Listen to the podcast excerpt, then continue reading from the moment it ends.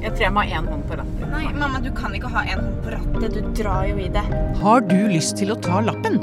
Eller kanskje barnet ditt skal begynne å øvelseskjøre?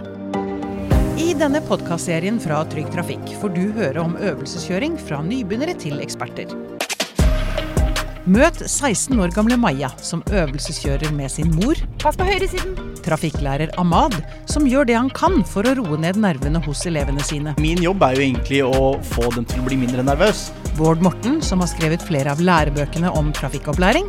All forskning viser at uh, erfaring har veldig stor betydning for, for ulykkesreduksjon. Og Glenn og Kai, som øver på utrykningskjøring. Det som ofte går igjen på helt sånn grunnleggende uh, kjøretøyteknisk forståelse, det er jo ofte rattgrep og rattføring. Tenker jeg kun fart og ikke har noen plan i forhold til det som skjer foran seg, uh, da blir det fort skummelt.